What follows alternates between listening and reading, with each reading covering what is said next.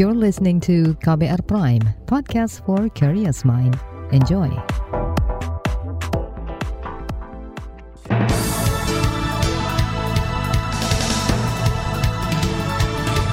Halo saudara, selamat pagi. Senang sekali kami bisa menjumpai Anda kembali secara langsung melalui program Buletin Pagi untuk edisi awal pekan Senin 21 Februari 2022 bersama saya Agus Lukman. Sejumlah informasi pilihan telah kami siapkan, di antaranya jutaan dosis vaksin di Indonesia terancam kedaluarsa pada akhir bulan ini. Indonesia akan menemui perwakilan Belanda terkait kekerasan militer Belanda pasca kemerdekaan. Perajin tahu di Jawa Timur mulai mogok produksi. Inilah Buletin Pagi selengkapnya. Terbaru di Buletin Pagi. Saudara sekitar 18 juta dosis vaksin COVID-19 di Indonesia bakal kedaluarsa masa berlakunya pada akhir bulan ini.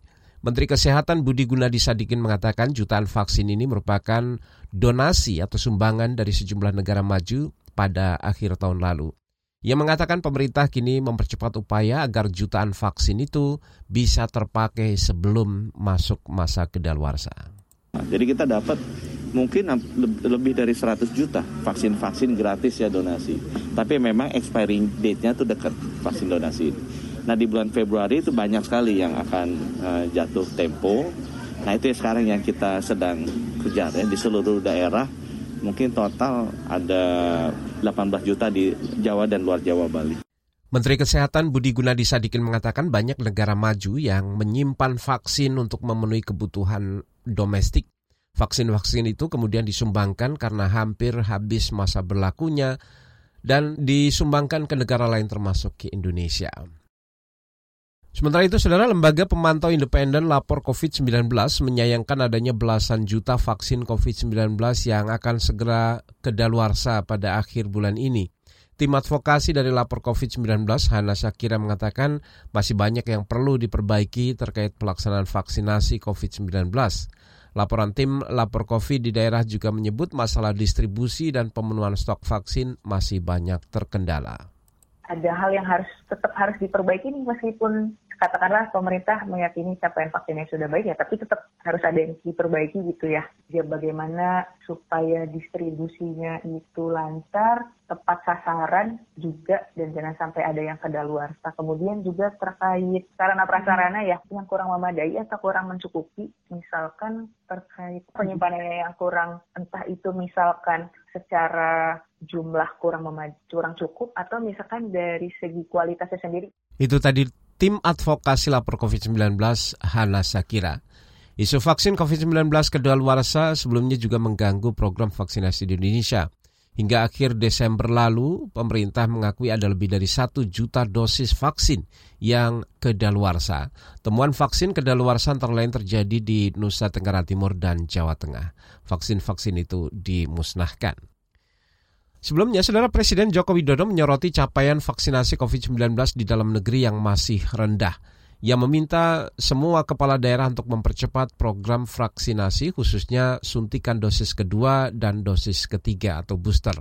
Percepatan vaksinasi itu terutama untuk warga lanjut usia dan daerah-daerah dengan peningkatan kasus COVID-19 yang tinggi agar penyebaran COVID-19 varian Omikron bisa terkendali. Karena dosis kedua dan dosis ketiga ini saya lihat masih banyak yang masih di bawah 60 persen, masih rendah. Dan agar didahulukan yang lansia, ini penting sekali. Karena dari data terakhir yang saya terima, 69 persen yang meninggal adalah karena Omikron adalah lansia, yang pertama, yang kedua yang belum divaksin.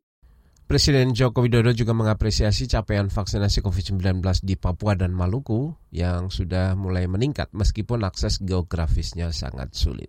Sementara itu, saudara epidemiolog dari Universitas Griffith Australia, Diki Budiman menilai masalah vaksin yang kedaluarsa memang tidak bisa dihindari dan terjadi hampir di semua negara.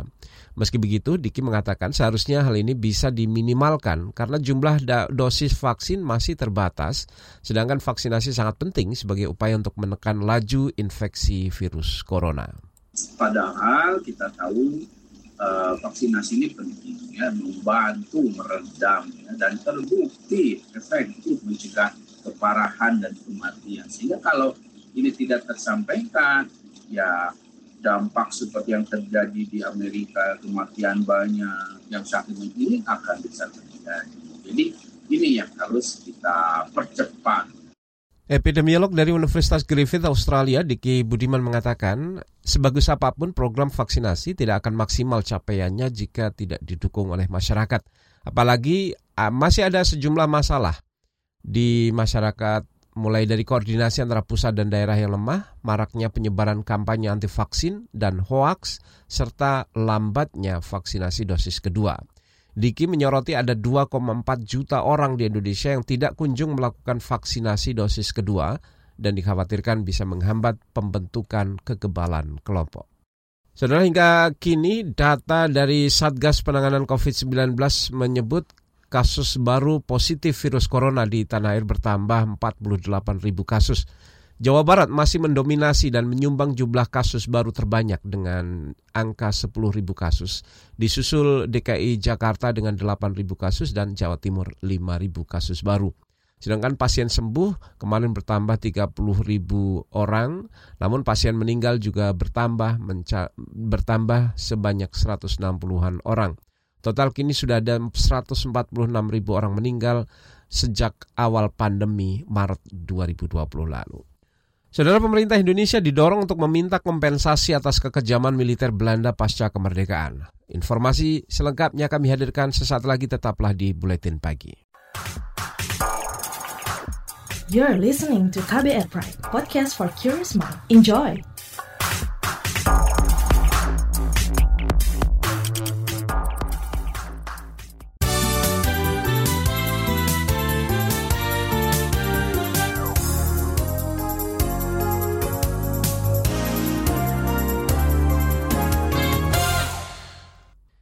Saudara Kementerian Perdagangan memastikan pasokan barang kebutuhan pokok untuk menghadapi bulan Ramadan dan Idul Fitri masih terkendali.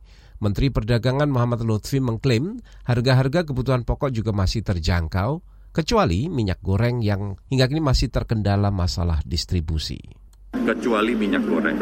Ada yang tadi saya utarakan tadi itu adalah daerah-daerah terluar Indonesia seperti di Anambas, seperti di Natuna memang mengalami persoalan, tetapi uh, di Ambon sebenarnya sudah mulai masuk barang-barang uh, ini uh, sebagaimana data yang dikeluarkan oleh Kementerian Perdagangan. Nah, tapi juga ada daerah-daerah misalnya seperti Gorontalo tadi, menurut hitungan kami sudah biru, tetapi ternyata belum sampai. Jadi kita sedang mengecek jalur distribusi transportasi daratnya apakah ada permasalahan. Menteri Perdagangan Muhammad Lutfi menjamin secara umum pasokan minyak goreng sudah digelontorkan sehingga harganya dipastikan akan berlangsung normal dalam tempo 1 hingga 2 pekan lagi. Sebelumnya, Saudara Kepolisian Sumatera Utara bersama Satgas Pangan Polri menemukan dugaan penimbunan lebih dari 1 juta liter minyak goreng di Deli Serdang. Kasus ini diusut oleh Komisi Pengawas Persaingan Usaha atau KPPU.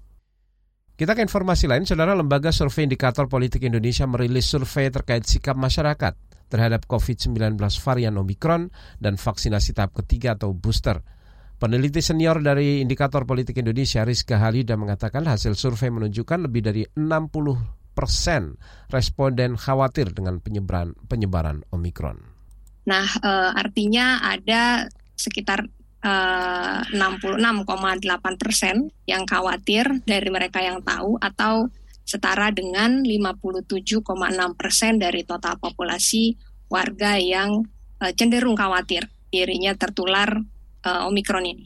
Peneliti Lembaga Survei Indikator Politik Indonesia, Rizka Halida menambahkan mayoritas responden setuju dengan kebijakan vaksinasi dosis ketiga atau booster COVID-19. Survei secara daring dilakukan Indikator Politik Indonesia selama sebulan sejak pertengahan Januari lalu. Bergeser ke informasi lain, Saudara, Kementerian Luar Negeri Indonesia bakal bertemu dengan Kementerian Luar Negeri Belanda terkait kasus kekerasan militer Belanda pada masa pasca kemerdekaan. Pertemuan itu akan digelar setelah Perdana Menteri Belanda Mark Rutte meminta maaf kepada bangsa Indonesia terkait penggunaan kekerasan oleh militer Belanda semasa Perang Kemerdekaan periode 1945 hingga 1949.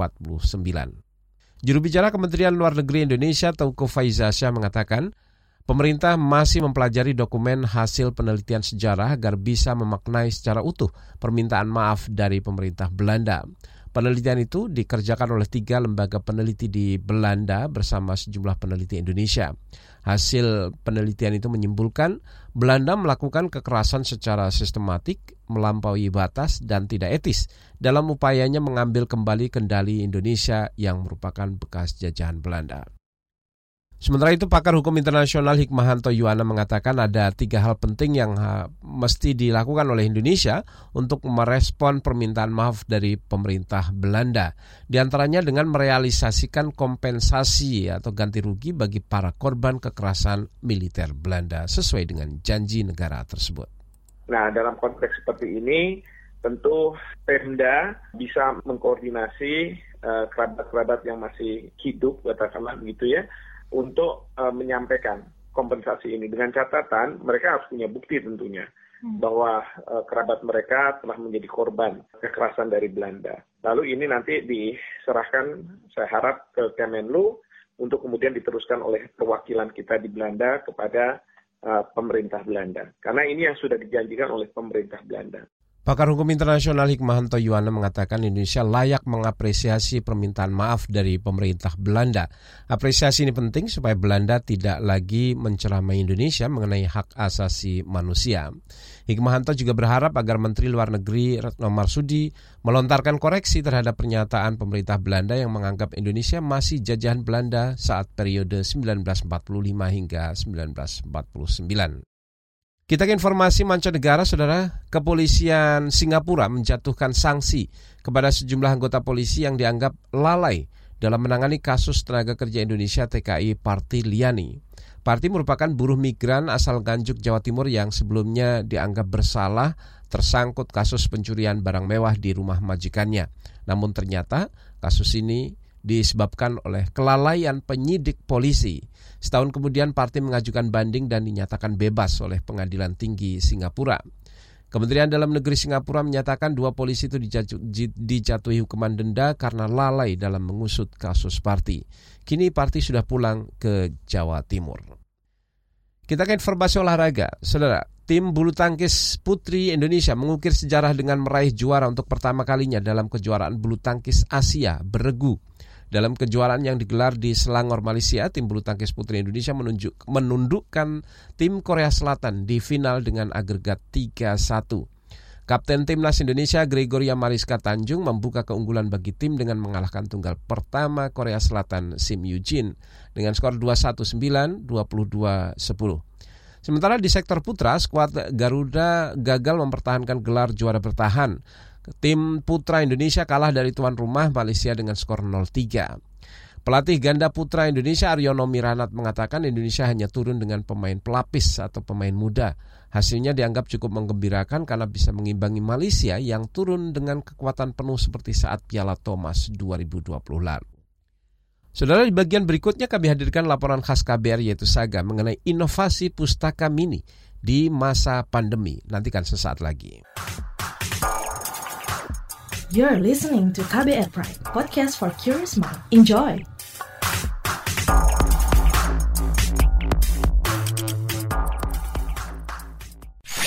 Commercial break. Commercial break.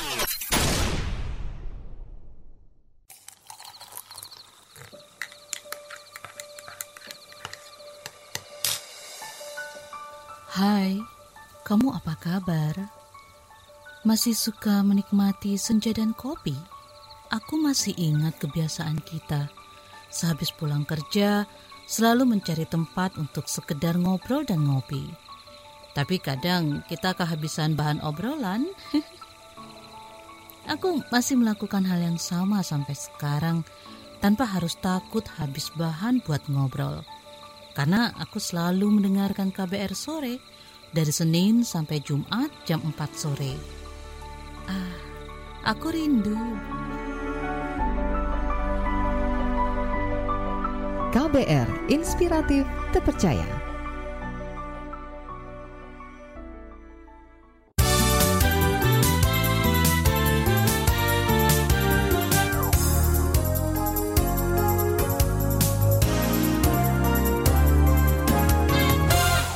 Anda masih bersama kami di Buletin Pagi KBR. Saudara, Jakarta dinobatkan sebagai kota literatur dunia oleh UNESCO pada tahun lalu. Tapi tidak banyak perpustakaan yang bisa diakses publik guna meningkatkan literasi dan minat baca. Akses juga semakin terbatas karena situasi pandemi.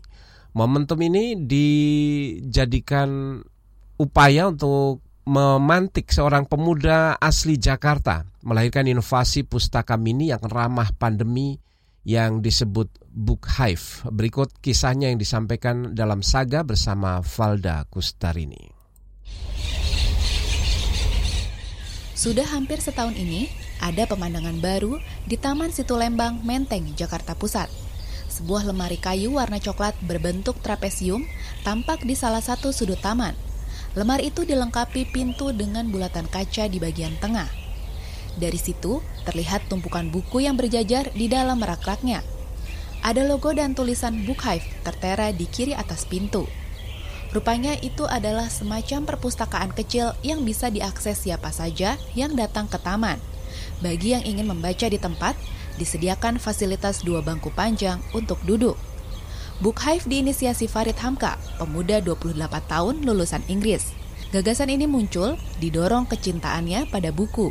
Aku dulu uh, hidup di Inggris kan, di situ budaya buku tuh lumayan kenceng. Kadang-kadang kalau kita ke taman orang pasti baca, kadang-kadang di public transport orang baca.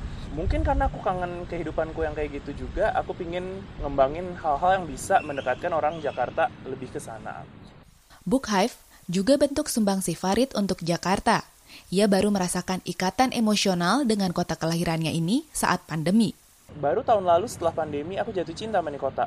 Karena akhirnya yang dulunya aku cuma stuck di mobil. Tahun lalu karena pandemi ya aku mulai jalan-jalan ke taman kota. Dan akhirnya aku jatuh cinta banget sama Jakarta. Aku mulai eksplorasi ke Glodok, ke Pasar Baru, ke Jatinegara. Dan di situ aku ngerasa, oh wow, kan biasa kalau kita mulai suka sesuatu kita pengen ngasih hadiah atau kita pengen berkontribusi to make that object of love something better. Farid lantas memaparkan idenya membuat Book Hive ke pemerintah kota Jakarta Pusat. Gayung pun bersambut. Di situ Lembang itu kebetulan di depan rumahku, jadi ya itu Book Hive pertama, aku pun mikirnya cuma jadi passion project lah ya. Farid sadar, untuk menarik minat warga, lemari buku mesti didesain seunik mungkin. Ia lantas menggandeng desainer untuk menggarap proyek sosial ini. Desain itu pula yang menginspirasi nama Book Hive. Namanya sebenarnya sedikit random. Waktu itu kita ngobrolin sama desainernya karena sebenarnya raknya kan bentuknya seperti sarang lebah ya, trapesium gitu. Jadi ya kenapa nggak ini kita namain book hive, yang artinya sarang buku.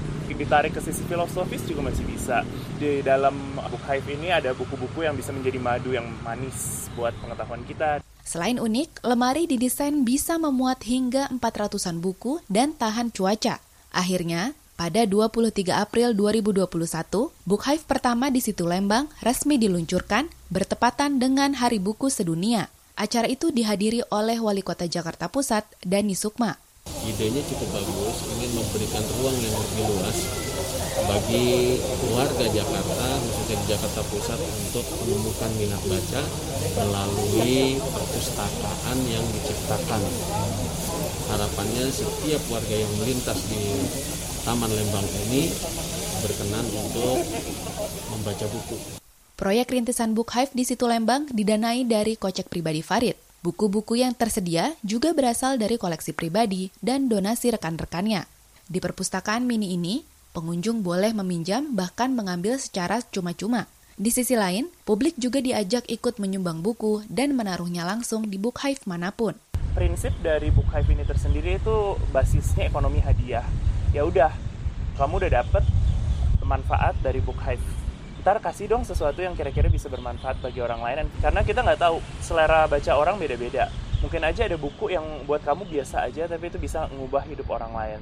Please feel free to put it di dalam rak buku kita Book Hive juga dirancang ramah pandemi nggak usah dibaca di situ, nggak usah berkerumun. Hampir semua tempatnya tuh outdoor kan. Pandemi orang-orang jadi lebih olahraga di luar, orang-orang jadi biasa cycling. Kadang-kadang banyak tuh cyclist-cyclist yang berhenti di Book Hive baca dulu. Farita menyangka Book Hive sukses hingga punya 10 cabang di Jakarta dan 3 di luar Jakarta, yakni di Tangerang Selatan, Banten, Surabaya, Jawa Timur, dan Bali. Ia banjir tawaran kolaborasi dengan berbagai elemen untuk membangun pusat-pusat literasi. Keluarga ku aja dulu skeptis, pada kayak ntar raknya dijadiin uh, gerobak bakso gitu sama orang iseng gitu kan ya aku orang Jakarta yang lumayan skeptis oh ntar diambilin bukunya bakal habis supply-nya tapi ternyata donasi terus ada dan aku nggak pernah mesti harus nge-replace Farid berharap inisiatif Book Hive bisa berkelanjutan dan didukung pemerintah dan masyarakat. Kita baru menang UNESCO City of Literature kan. Aku pingin dari segala kapasitasku, gimana sih kita bukan cuma kita menang itu predikat, tapi gimana kita maintain itu. Apa benar sastra dan literasi adalah sesuatu yang penting? Asa Farid berbuah nyata. Anak-anak muda di Solo, Jawa Tengah mereplikasi inovasinya untuk memajukan literasi. Seperti apa? Simak kisahnya esok.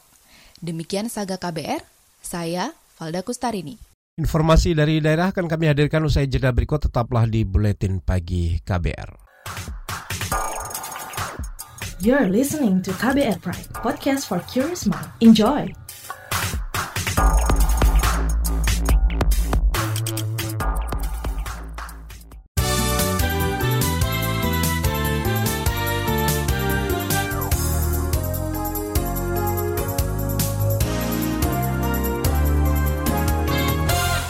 Kita berada di bagian akhir buletin pagi KBR. Kita ke Jawa Timur. Saudara, kelompok perajin tahu di Kabupaten Jombang mulai mogok kerja karena mahalnya harga kedelai impor. Aksi mogok digelar sejak Sabtu lalu. Salah seorang perajin tahu dari Paguyuban Komunitas Tahu Jombang, Muhammad Arif mengatakan aksi mogok tiga hari ini dilakukan karena para perajin tidak kuat dengan mahalnya kedelai impor. Jika sebelumnya harga kedelai impor sebesar Rp8.000 per kilogram, kini naik menjadi lebih dari Rp13.000 per kilogram. Demo dengan, uh, berkaitan dengan kenaikan harga kedelai berkisaran sekitar 11.500. 11.000 sampai 11.500. Nah, sebelumnya 9.500. Sangat memberatkan. Rencananya tiga hari jadi tanggal hari ini besok sama lusa 20, 21, 22. Saudara Muhammad Arif, seorang perajin tahu dari Paguyuban Komunitas Tahu Jombang berharap pemerintah bisa segera menurunkan harga kedelai impor. Dalam sehari produksi tahu, Arif biasa menghabiskan tiga setengah ton kedelai per hari. Ia mengaku rugi bila masih menjual tahu dengan harga yang sama seperti saat kedelai belum mahal. Kita ke Jawa Barat, saudara seorang warga yang melaporkan kasus dugaan penyelewengan anggaran desa di Kecamatan Mundu, Kabupaten Cirebon justru ditetapkan sebagai tersangka. Kapolres Kota Cirebon Fahri Siregar mengklaim penetapan Nur Hayadi, Nur Hayati sebagai tersangka pada akhir tahun lalu sudah sesuai kaidah hukum. Penetapan tersangka ini atas petunjuk dari kejaksaan. Oleh karena itu, penetapan saudara saudari Nur Hayati sebagai tersangka ini juga sudah sesuai dengan kaidah-kaidah hukum dan juga prosedur-prosedur hukum yang berlaku.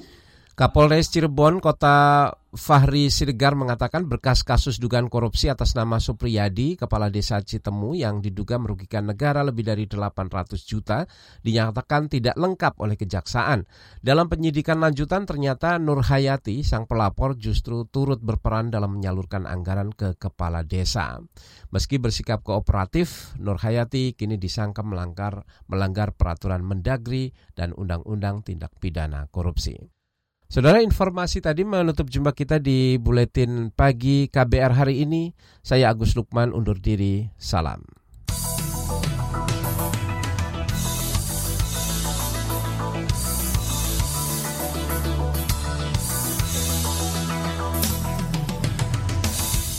KBR Prime, cara asik mendengar berita. KBR Prime, podcast for curious mind.